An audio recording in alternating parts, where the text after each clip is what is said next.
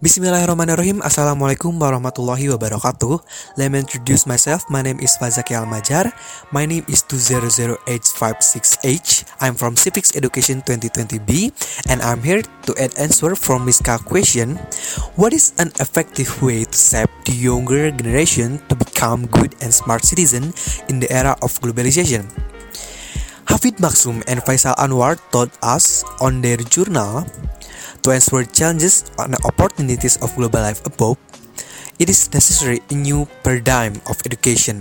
Tilaar on 2000 put forward some point. The new paradigm of education is a follow. 1. Education is aimed at shaping a new democratic innocent society. 2. A democratic society requires education that can foster a democratic individual and society. 3.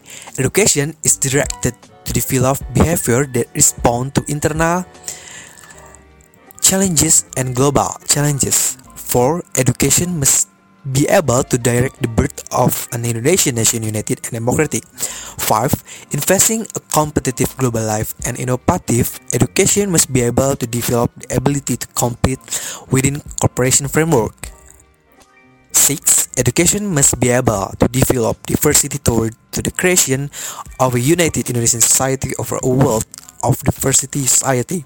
And seven, most importantly, education must be able to Indonesian society so that every Indonesian person feels proud to be a citizen of Indonesia.